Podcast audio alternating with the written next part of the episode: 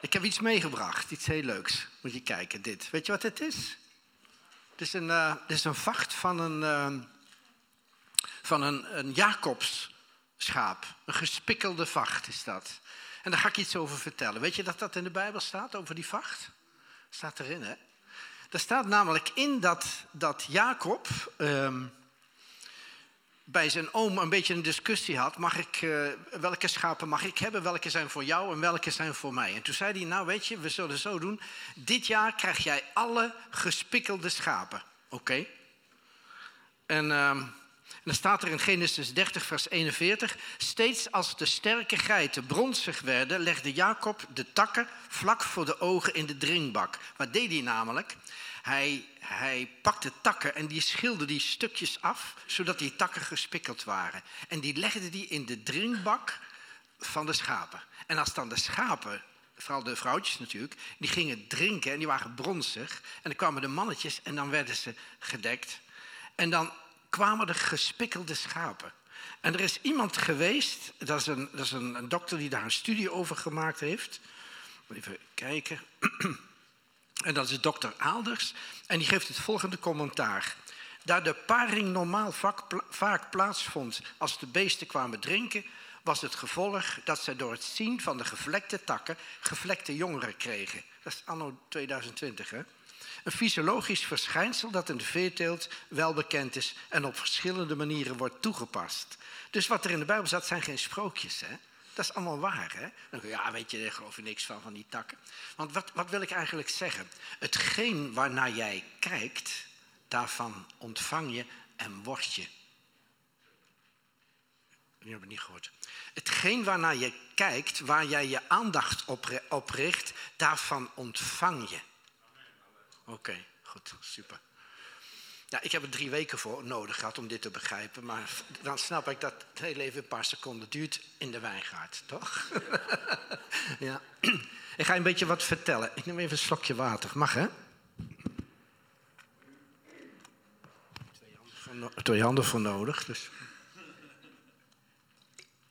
Ja, ik ben een, um, een week of, wanneer is het nou? Een week of twee, drie geleden, drie weken, ja ben, heb ik een, um, samen met Rick Bennik, een goede vriend van mij, heb ik een stilteseminar gedaan in een klooster.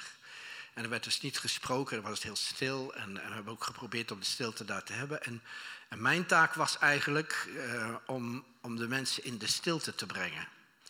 En uh, dat heb ik gedaan, een paar keer per dag hadden we de kapel. En ik was eigenlijk zo dat ik begon dan. En dan mocht je, als je het te veel vond, na vijf minuten of tien minuten of een half uur, dan mocht je gewoon weggaan. Die deur stond open.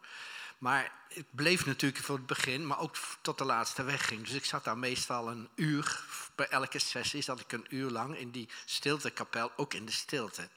En wat deden we daar? We deden daar niets. We deden daar hele zachte muziek op zetten.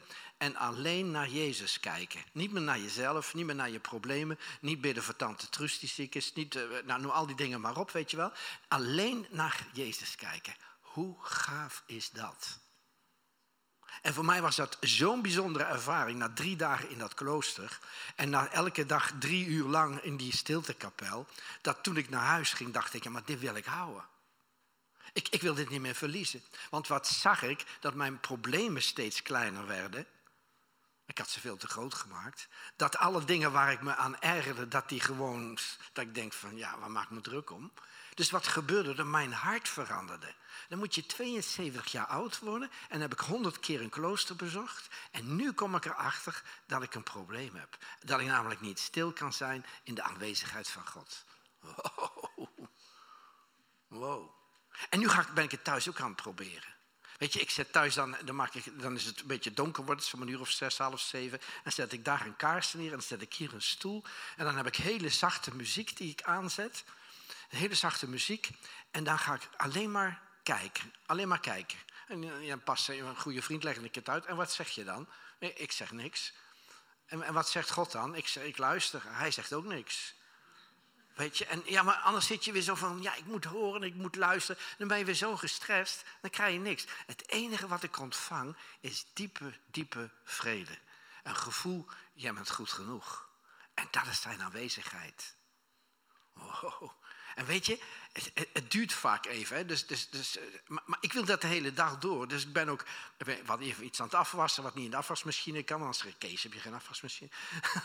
Eh, dus dan ben je even met wat dingetjes bezig. Of strijken, wat ik ook niet zo'n leuk werkje vind. En dan gebruik ik dat steeds om, om naar Jezus te kijken. Maar echt niks om te vragen. Niks om, om, om dingetjes te doen. Of wilt u me meer omzet geven? Of wilt u me meer dit geven voor mijn zaak? Nee, nee, nee. Gewoon alleen maar naar hem kijken. En dan gebeuren er allerlei dingen. Ik kan het niet uitleggen. Je moet het zelf gaan ervaren. Wow. En, en een van de teksten waar ik steeds in het klooster mee begon, was van, maar die staat niet op de sheet, eh, herinner ik me nu. Dat is Matthäus 6, vers 6. Maar als jullie bidden, trek je dan in huis terug, sluit de deur en bid tot je vader die in het verborgen is. En jullie vader die in het verborgen ziet, zal je ervoor belonen. U denkt, oké, we gaan ook nog een beloning. Nou, dan gaan we toch bidden. Ik wil wel beloningen, toch? en waar staat het? In het verborgene. Weet je wat God zegt? Doe je deur dicht. Doe je deur dicht. Doe je deur dicht en doe je hart open. En, en ik zie het steeds. Uw vader die in het verborgen ziet. Dus God ziet mij daar zitten, in, dat, in die kapel en dat klooster, maar ook thuis. Hij ziet mij daar zitten en hij zegt, Kees, ik zie in het verborgene. En in het verborgene wat ik zie, wat jij daar doet, of eigenlijk doe ik niks, daar zal ik je voor belonen. Is dat gaaf of niet? En wat is het resultaat? Een zacht hart. De problemen die gewoon. het is net zo'n ballon, weet je wel, die steeds, steeds minder opgeblazen wordt. En alles komt gewoon. En ik denk, oh, dat ik dat niet eerder gedacht heb. En dan staat er verder in Matthäus 6, vers 17. Alleen je vader die in het verborgen is. En jullie vader die in het verborgen is, ziet en zal je ervoor belonen. Ik denk, beloning. Beloning. En wat geeft u voor beloning? Dat je hart verandert, dat je problemen veranderen, zonder dat je erom vraagt. En dat is naar Jezus kijken. Echt hem, hem doen. En, en hoe, hoe kom ik daar dan? Want ik moet toch ook ja, uh, iets zeggen of zo. Uh, wat ik zeg tegen hem is aanbidding. En de aanbidding van de eenvoudigste soort. Gewoon dat ik daar zit en dan zeg ik: Wauw, ik ben blij met u. u. U bent geweldig. Ik ben onder de indruk van u. En ik ben niet onder de indruk van mezelf. Want ik heb nog zoveel dingen waar ik tegenaan loop. Zoveel irritatie, zoveel dingen die, die niet leuk zijn. Zoveel dingen dat ik mijn mond weer niet kan houden. Zoveel, maar, maar, ik ga me daar niet op focussen. Ik ga me gewoon focussen op u. En weet je wat er dan gebeurt? Dan krijg je een harttransformatie. En ik moet zeggen, na drie weken, weet je, dat ik er alweer verlang om weer bij God te zijn, in zijn aanwezigheid. En dat ik door, dat mijn honger, want ik heb een honger, hè. Ik heb, mijn honger gestild wordt door hem. Nou, dan gaan we een keer even naar de PowerPoint kijken. Staat hij er al op? Nee. Die komt eraan. Even kijken hier. Ja, honger voor God. Honger voor God, dat is het. Heb jij een honger naar God? Dat is eigenlijk mijn vraag. Heb je een honger naar God? En, en, en wil je dat jouw dorst gelest wordt door Hem? Of door andere dingen?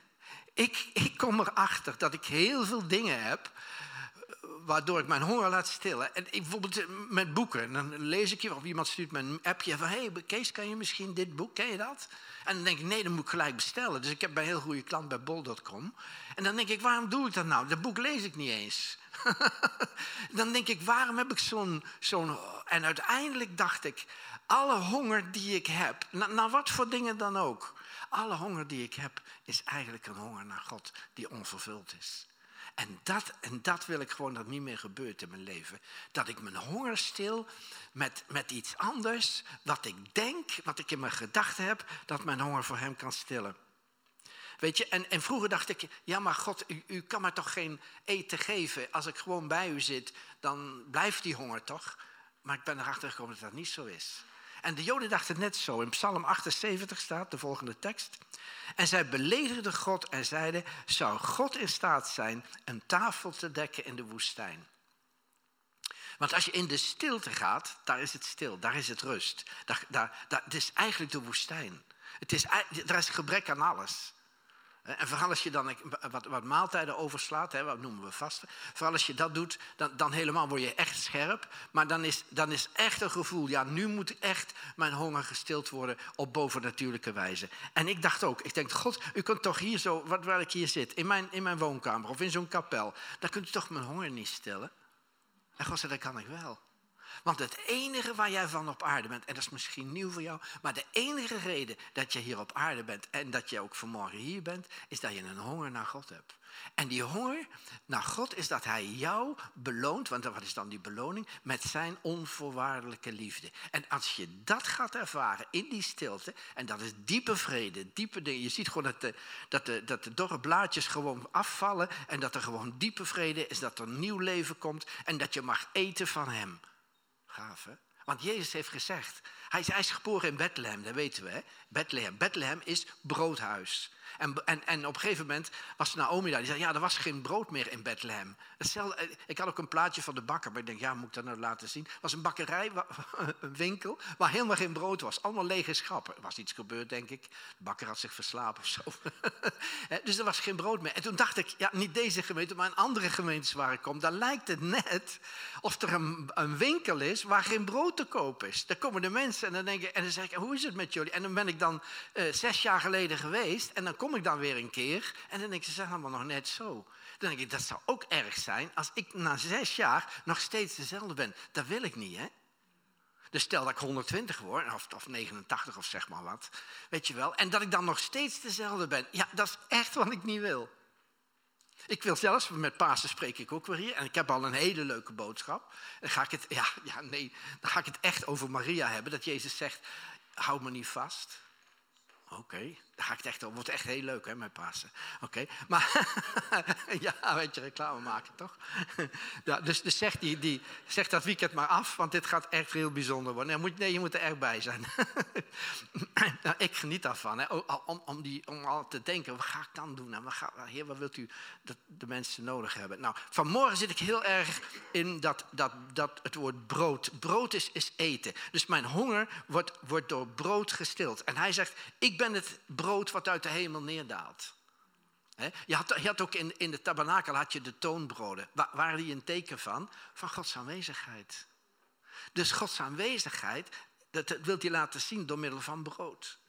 Het mannen wat uit de hemel kwam, dat was het brood wat ze elke dag kregen. Dus ik kom erachter, als ik het één dag oversla, in de aanwezigheid van God zitten, dus echt in die stilte zitten, hem aanbidden, hem, naar hem luisteren, naar hem kijken, dan mis ik het dan mis ik het. Dan heb ik een soort honger. Dan denk ik, ja, ik heb alles al gehad. Dan heb ik al dit genomen. Ik heb al iets zoets genomen. En een kopje koffie.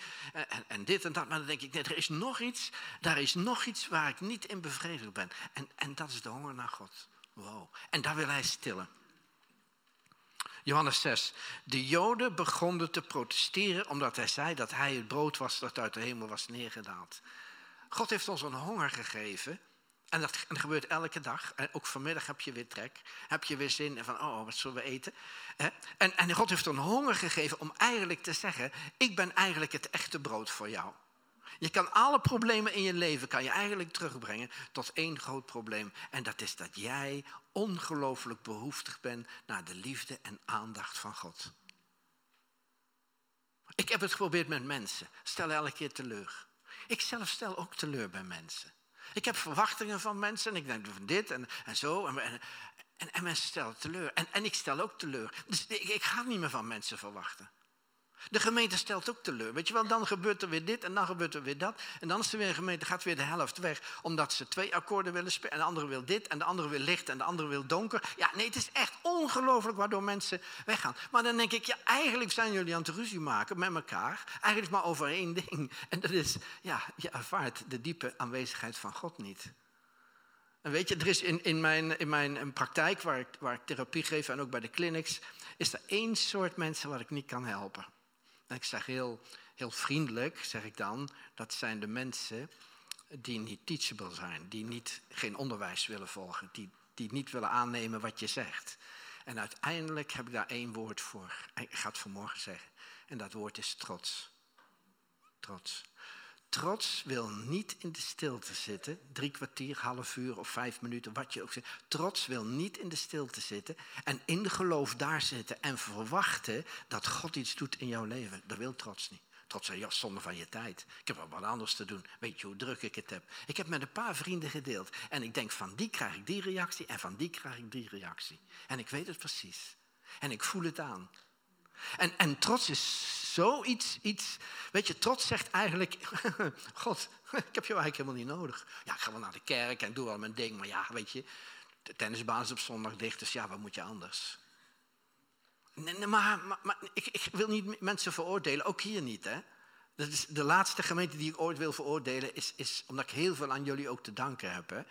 En een van de eerste keren toen ik uh, jaren niet meer gesproken heb, was, was, was de wijngaard waar ik weer kwam. Hè? Dus jullie hebben altijd een heel speciaal een dingetje in mijn hart. En ook als ik zie, nou, pas heeft iemand alle videofilmpjes die van de wijngaard onder elkaar gezet en zo'n, zo'n, zo'n hoe noemen ze dat, zo'n eigen uh, ding gemaakt, zo'n eigen YouTube-kanaal. En dan zie ik duizend keer gedownload, 2000 keer, drieënhalfduizend keer. Dan denk ik, oh, en dan denk ik, oh, weet je, handjevol mensen spreek ik. Dus ja, dat maakt helemaal geen impact op Nederland. Maar je hebt geen idee hoe de mensen allemaal dingetjes naar elkaar doorsturen. En niet te zeggen dat ik zo ben, maar mensen vinden het gewoon leuk om een eerlijke boodschap te horen. Ook om te zeggen, als ik het een keer niet zie zitten. Die wordt het meest gedownload, weet je dat?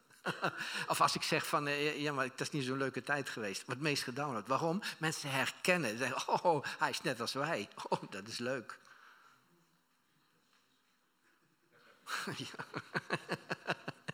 ja. Psalm 62. Zoek rust, mijn ziel, bij God alleen. Van Hem blijf ik alles verwachten.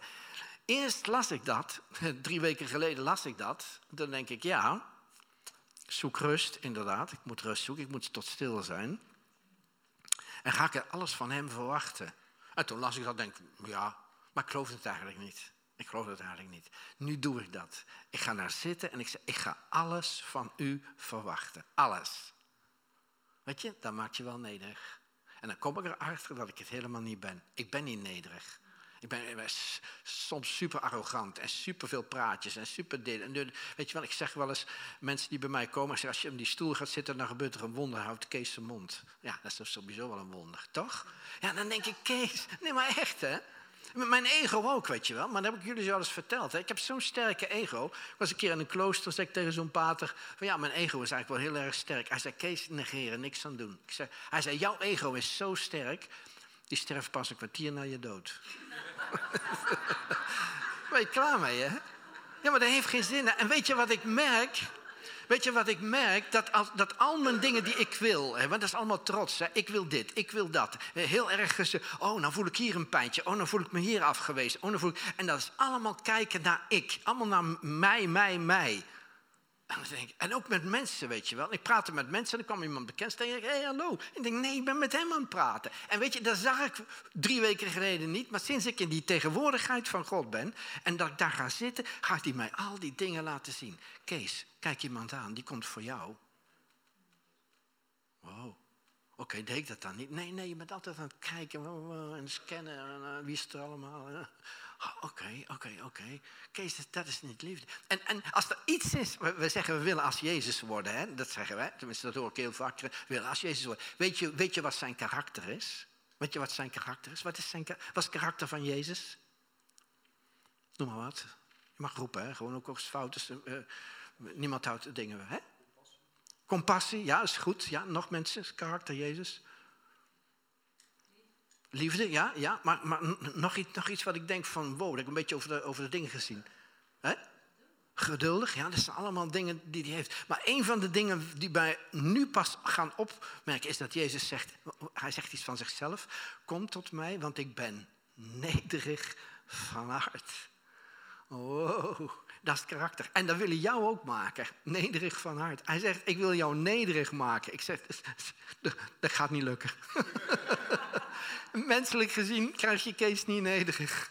Weet je wel, een narcistische persoonlijkheidsstoornis heeft af en toe steekt hij de kop nog op en dan denk ik, oh, daar gaan we weer.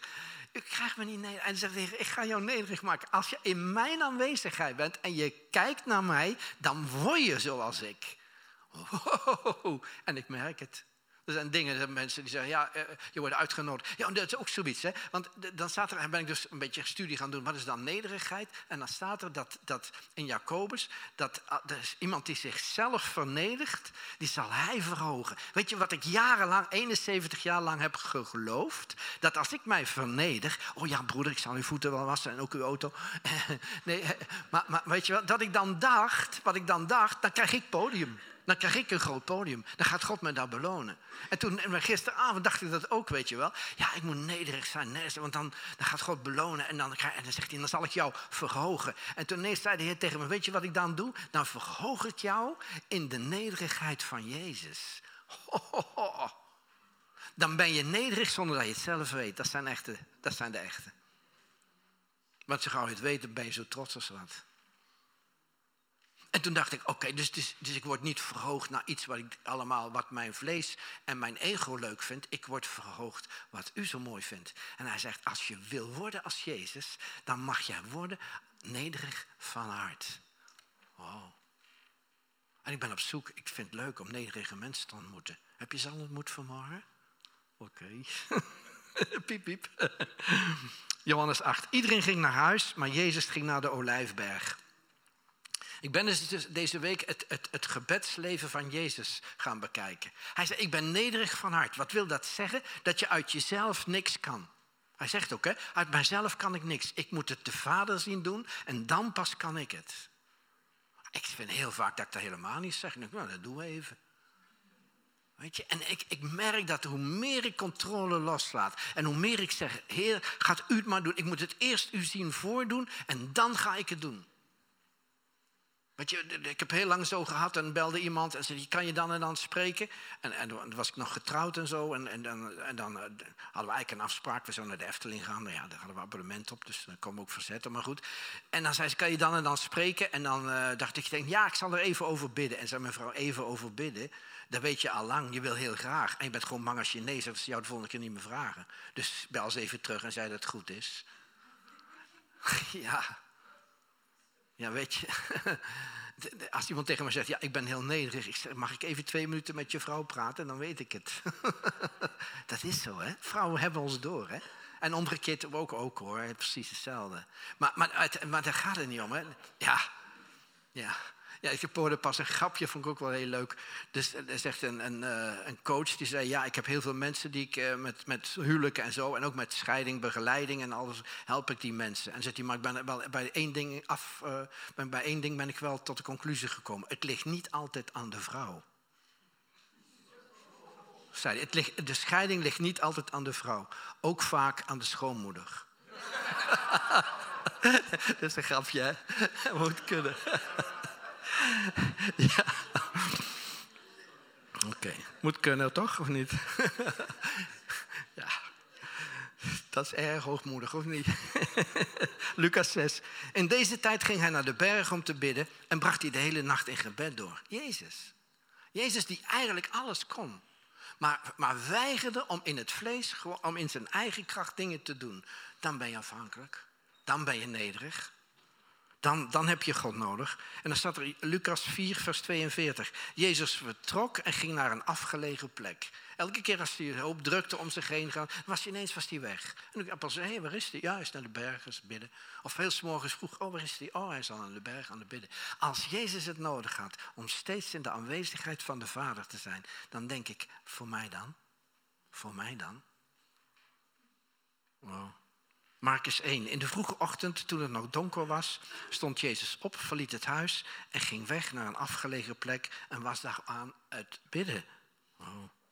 Lucas 22. En hij ging door naar de olijfberg zoals het zijn gewoonte was.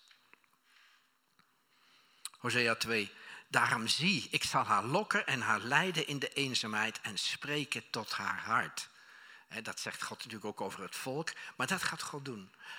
Als jij, als ik, als ik jij tegen u mag zeggen, als jij in de stilte gaat en de eenzaamheid, in de woestijn, in, daar waar niks is, daar waar geen afleiding is, geen boeken om te lezen, geen dingen om te doen, als je daar bent, daar gaat God tot jou spreken, tot jouw hart. Hij gaat je, ik, ik merk dat hij mij dingen gaat zeggen die ik daarvoor niet wist.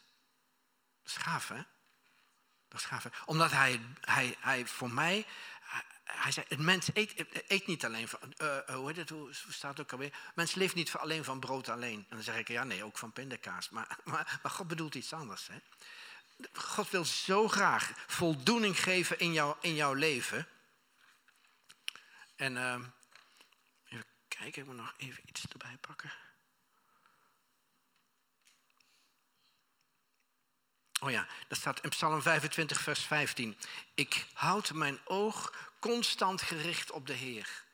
Constant gericht op de Heer. Dus als je bezig bent om constant naar Hem te kijken en constant um, eigenlijk te zien wat Hij voor jou heeft en wat voor dingen je mag doen. En ook, ook soms gebeurt er helemaal niks. Hè?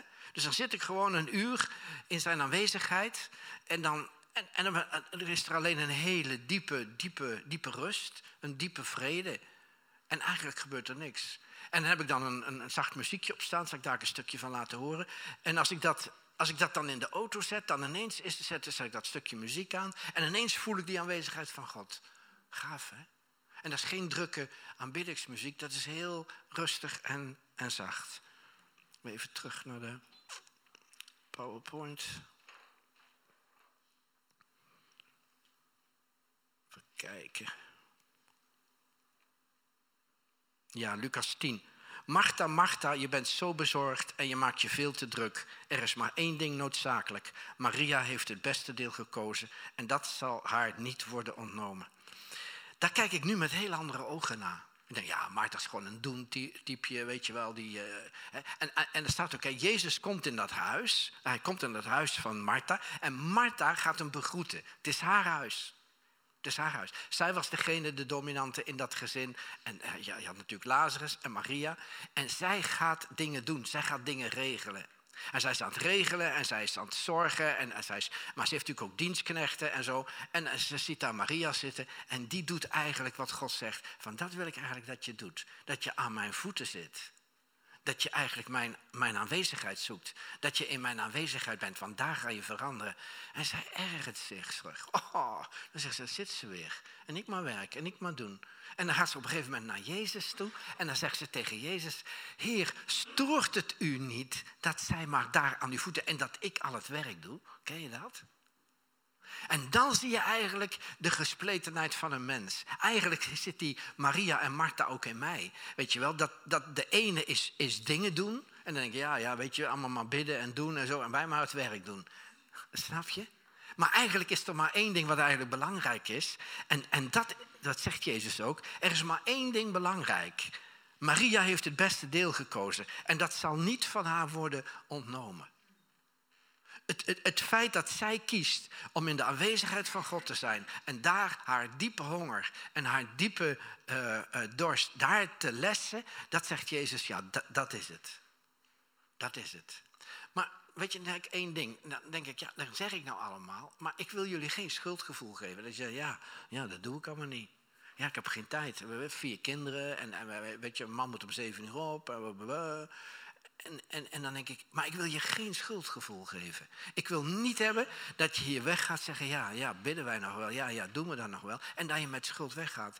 Ik wil alleen, ik wil alleen als je werkelijk voelt dat jouw roeping is om in de aanwezigheid van God te komen en dat Hij jou daar verandert naar het evenbeeld, dat Hij je nederig maakt, dat jij je uh, gevoelig maakt voor de geest en dat daar, vanuit daar allerlei dingen gebeuren, dan, dan, ja, dan kan je niet zeggen op mijn begrafenis, ja, maar dat heeft Kees nooit gezegd. Snap je? Snap je? Dat je niet zegt van ja, maar daar had je het nooit over. Hij had wel over de liefde, maar hij heeft nooit gezegd hoe je het kan krijgen. Nou, zo kan je het krijgen. Zo, en ik ben, er, ik ben pas drie weken mee bezig. Hè, dus over een jaar moet je kijken. Wow, hè, wat ik dan er allemaal over weet. Maar ik wil dit, hè. Ik, ik wil echt dit. In de aanwezigheid van God en Hem mij helemaal laten veranderen. En ik wil echt als Maria zijn, niet als Martha. Martha was echt bezig om de fysieke Jezus te dienen. Heel veel mensen in heel veel kerken zijn bezig om de fysieke Jezus te, maar niet om de geestelijke Jezus te. Dus, dus de, de, de, degene waar je van eet en waarvan je drinkt daar, daar had ze niet door. Iemand vroeg aan mij, hoe uh, herken je hoogmoed en trots? Hoe herken je dat? Heb ik hier wat dingen opgeschreven. Irritatie. Irritatie, dat is hoogmoed. Ongeduld. Controle. Oordeel. Jaloezie. Afgunst. Bitterheid. Arrogantie. Dat zijn allemaal dingen Wat betekent dat je geen overgegeven geest aan Jezus hebt. Dat je allemaal zelf jouw ding wil doen. En keer herken je heel wat, hè. Ik denk, zal ik geel maken wat ik herken? Ik denk, nee, laat dat gaan we niet doen. Dat is een stapje te ver. Gewoon niet. Misschien over twee weken dat ik zo ver ben. Nee, maar ik, ik kan me ook irriteren, hè. Ik, oh, weet je wel, in de spreukenboek, en was eigenlijk een, spreuk bij ons thuis, daar zei ze altijd, uh, ergernis huist in het hart der dwaas. Dan denk ik, oké, ergernis staat er ook bij, hè irritatie, ergernis. Dat is een hart van een dwaas. Dan denk ik, als je niet zacht bent, en, en je moet je niet proberen zacht te gaan worden. Zacht worden gaat alleen gebeuren in de aanwezigheid van Jezus. En, en ongeduld ook, weet je wel, ongeduld. Wat, duurt het lang? Loop ik op en neer, wat duurt het lang? Nee joh, maar, maar, maar ik kan niet geduldig worden. Ja, ik, ik bid er wel om. Ik zeg, heer, geef me alsjeblieft geduld, maar dan wel nu. Toch? Ja. En controle, ook zo van, nee, ik moet dit doen. Nee, maar doen. Ja, kan je toch iemand anders laten doen? Nee, nee, nee, laat ik het nou zelf doen, dan weet ik zeker dat het goed gebeurt. Allemaal trots, hè? Oordeel. Eh, oordeel. Oordeel over, over mensen, over gemeentes of over. Weet je, ik, dan zeg ik altijd, ja. Ik laat het niet zeggen. Nee, maar iedereen staat met zijn oordeel klaar. Hè? Dit bevalt me vanmorgen. Zei iemand, ja, ik dacht dat jij in overhemd zat. En dan heb je een trui aan. Denk ik, oh, sorry hoor. nee, dat was leuk, hè. dat was leuk. Maar, maar we zijn zo klaar met oordeel, hè. Jaloezie, oh, jaloezie is ook zoiets. Jaloezie, jaloezie is iets anders dan afgunst. Hè? Jaloezie is hè, dat jij dat wil hebben. En afgunst is dat je, dat, je, dat je niet fijn vindt dat een ander dat heeft. Dat je hem niet gunt. Zet het woord gunnen in. Hè? Ja, weet je, die buurman, die, heer, die auto staat op de verkeerde oprit. Die had bij mij moeten staan. Je gunt het hem niet, hè? Bitterheid. moet ik dat uitleggen? Bitterheid is als je onrecht is aangedaan en je gaat niet vergeven. En je denkt, elke oh, keer denk je eraan en denk je, God houdt van hem, hij wel. Weet je wel, zo. Toch? Arrogantie, ja, arrogantie ik hoef niet uit te leggen. Maar dat is allemaal wat niet het beeld van Jezus is. En ik, ik heb geprobeerd om al die dingen, al die deugden, hè, zoals de katholieken zeggen, die deugden, proberen aan te leren. Het is me mislukt. Ik heb 72 jaar geprobeerd die deugden en denk, oh, dan ben ik een mooi mens. Het is me mislukt. Ik zie dat al die dingen van me afgenomen worden en vervagen, een beetje dul worden, een beetje, beetje vaag, een beetje blur. Als je in de aanwezigheid van God bent. En je moet het zelf gaan ervaren. En als je het niet wil, even goede vrienden. Even goede vrienden. Want jij hoeft niks. Hè? Niks moet. Ik zal haar, uh, Hosea 2, ik zal haar al daar haar wijngaarden geven en het dal van Agor maken tot een deur van hoop. Dan zal ze daar zingen als in de dagen van haar jeugd, als in de dagen toen ze trok uit Egypte. Het dal van Agor maakt hij als een, als een deur van hoop. De hele geschiedenis is wat daar allemaal gebeurd is. Daar heeft iemand zijn leven moeten laten en noem maar op. En er is ook oorlog geweest. Maar hij zegt, God zegt, eigenlijk in dat dal van wanhoop. Hè, dat betekent het eigenlijk. Eigenlijk in, de, in het dal van wanhoop. Dus als jij bij God zit en je zegt, dit heb ik allemaal en dit mis ik nog in mijn leven en dat, dat. Maar als je daarmee stopt en alleen gaat kijken naar zijn aanwezigheid en alleen uh, je focust op hem, helemaal niet meer op jezelf. En als je dat een tijdje volhoudt en dan gebeuren dingen, dan zegt hij, dan ga ik eigenlijk jouw grootste wanhoop, dat is de stilte en dat je geconfronteerd wordt met je pijn en je ellende. als je dat loslaat in zijn aanwezigheid, dan gaat hij je dal van Agor maken tot een deur van hoop. Dan ga je het weer zien zitten. En ik vind het zo mooi, het staat zo mooi aan uh, dat, er, dat er staat in Jeremia 29, vers 11. Dat, is, mijn tekst, maar dat mogen jullie ook gebruiken hoor. Ik met de eer over gaat, dus ja, dat mogen ze ook wel. Jeremia 29, vers 11. Dit zijn mijn gedachten over jou, Kees. Gedachten van vrede en niet van onheil. Om jou een hoopvolle toekomst te geven. Maar dan gaat die tekst verder. En dan staat er, en dan zult gij mij zoeken en dan zult gij mij vinden wanneer je naar mij zoekt met een oprecht hart. En toen denk ik, dat is oprecht hart. Dat is zoeken in de stilte. Dat is zoeken naar Jezus. Dat is zoeken wat Hij voor mijn leven wil. Dat is zoeken hoe Hij mij kan veranderen. En dan de laatste tekst. En zet ik even dat muziekje op als dat lukt.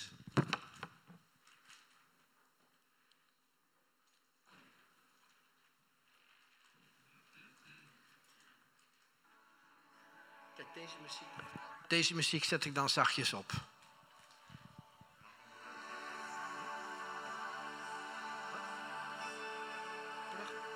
Oh ja, nou Oké, hij gaat hem pluggen. Wordt helemaal, wordt helemaal gaaf. Ja, ze kunnen hier alles, hè? Ze kunnen hier alles. Verder kunnen ze dan ook niks. Maar ja, dat zijn, dat zijn mijn vrouw altijd. Ja, die mensen vinden je weer geweldig. Ze zei ze, ja, uw man, uw man kan het toch zo mooi zeggen. Zegt ja, hij kan heel veel, maar verder kan hij dan ook niks. Dat hield me ook nederig, moet zeggen, echt. Toen vond ik het afwijzing, maar ik vind, nu vind ik het echt een goede mop. Dat is zo, hè? Ja. ja. En dan ga ik je even laten zien. Dan zet ik die muziek zet ik dan aan. En dan, uh, kan je het pluggen? Hij is bezig, ja, goed hè. Ik dacht, dat moet ik allemaal zelf doen. Hoeft helemaal niet, hè. Het is helemaal niet afgesproken. Krijgen we het beeld erbij? Ja, uw aanwezigheid maakt mij een heerlijke geur. Je mag ook het beeld van, van wat ik op mijn telefoon heb erbij doen, hè. Dus, dus, pas daar... Wat, zei hij? Ja, oh, daar heb je hem. Daar heb je hem. Ja, hij mag heel zachtjes. Hij mag heel zachtjes. Dus dan ga ik zitten. Dus moet je voorstellen, daar is die kaars. Ik zit in het donker. Soms zit ik met zo'n joggingpak aan, met, met een muts zelfs op, weet je wel, die hoodie zo. En dan zit ik zo naar hem te kijken. En dan zeg ik, Jezus, Jezus, u, u, bent, u bent alles voor mij. Zonder u ben ik eigenlijk niks. Ik, ik heb het altijd wel over gezond zelfbeeld, maar eigenlijk voel ik me nul. Maar ja, u bent nummer één. En dan zijn we samen tien. En Jezus, ik, ik, ik, ik moet echt zeggen, ik, ik, ik doe maar wat. Maar ik wil zo graag van u leren hoe ik nederig van hart word. Ik wil gewoon alles aan uw voeten leggen, zoals Maria bij u zat. Ik, ik wil drinken van u, ik wil drinken van u, zodat ik word zoals u. Want wat heeft het eigenlijk voor zin om de Bijbel te fileren en aan mensen allemaal dingen op de mouw te spelden? Maar niet uw liefde en niet uw geborgenheid. Oh Jezus, ik wil nu even stil worden voor u. Zodat u kan spreken en tot mij kan zeggen dat u mij ziet zitten. Met al mijn rafels aan mijn broek. Met al mijn dingen. Dank u Jezus. Dank u Jezus. Oh Heer, ik ben onder de indruk van u. U bent hier. We zien u niet en dat is, dat is zo leuk. De trotsen zullen het niet zien, zullen het niet merken, zullen het niks vinden. Maar voor de kinderen, voor de kinderen die, die een kinderlijk uh, geloof hebben, die gaan u ervaren. Die zeggen, God is hier. Ik wil hem aanraken. Ik wil nog gevoeliger worden voor zijn aanwezigheid. Doe je ogen maar dicht. Stel dat jij hier de enige bent in de ruimte. Tot je spreken. Gaat zeggen, mijn lieve schat, onverwachts. Ga ik ineens zeggen tegen jou, incognito met een zachte G. Ik zie jou zitten. Ik ben blij met je. Ik heb goede dingen voor jou in de toekomst.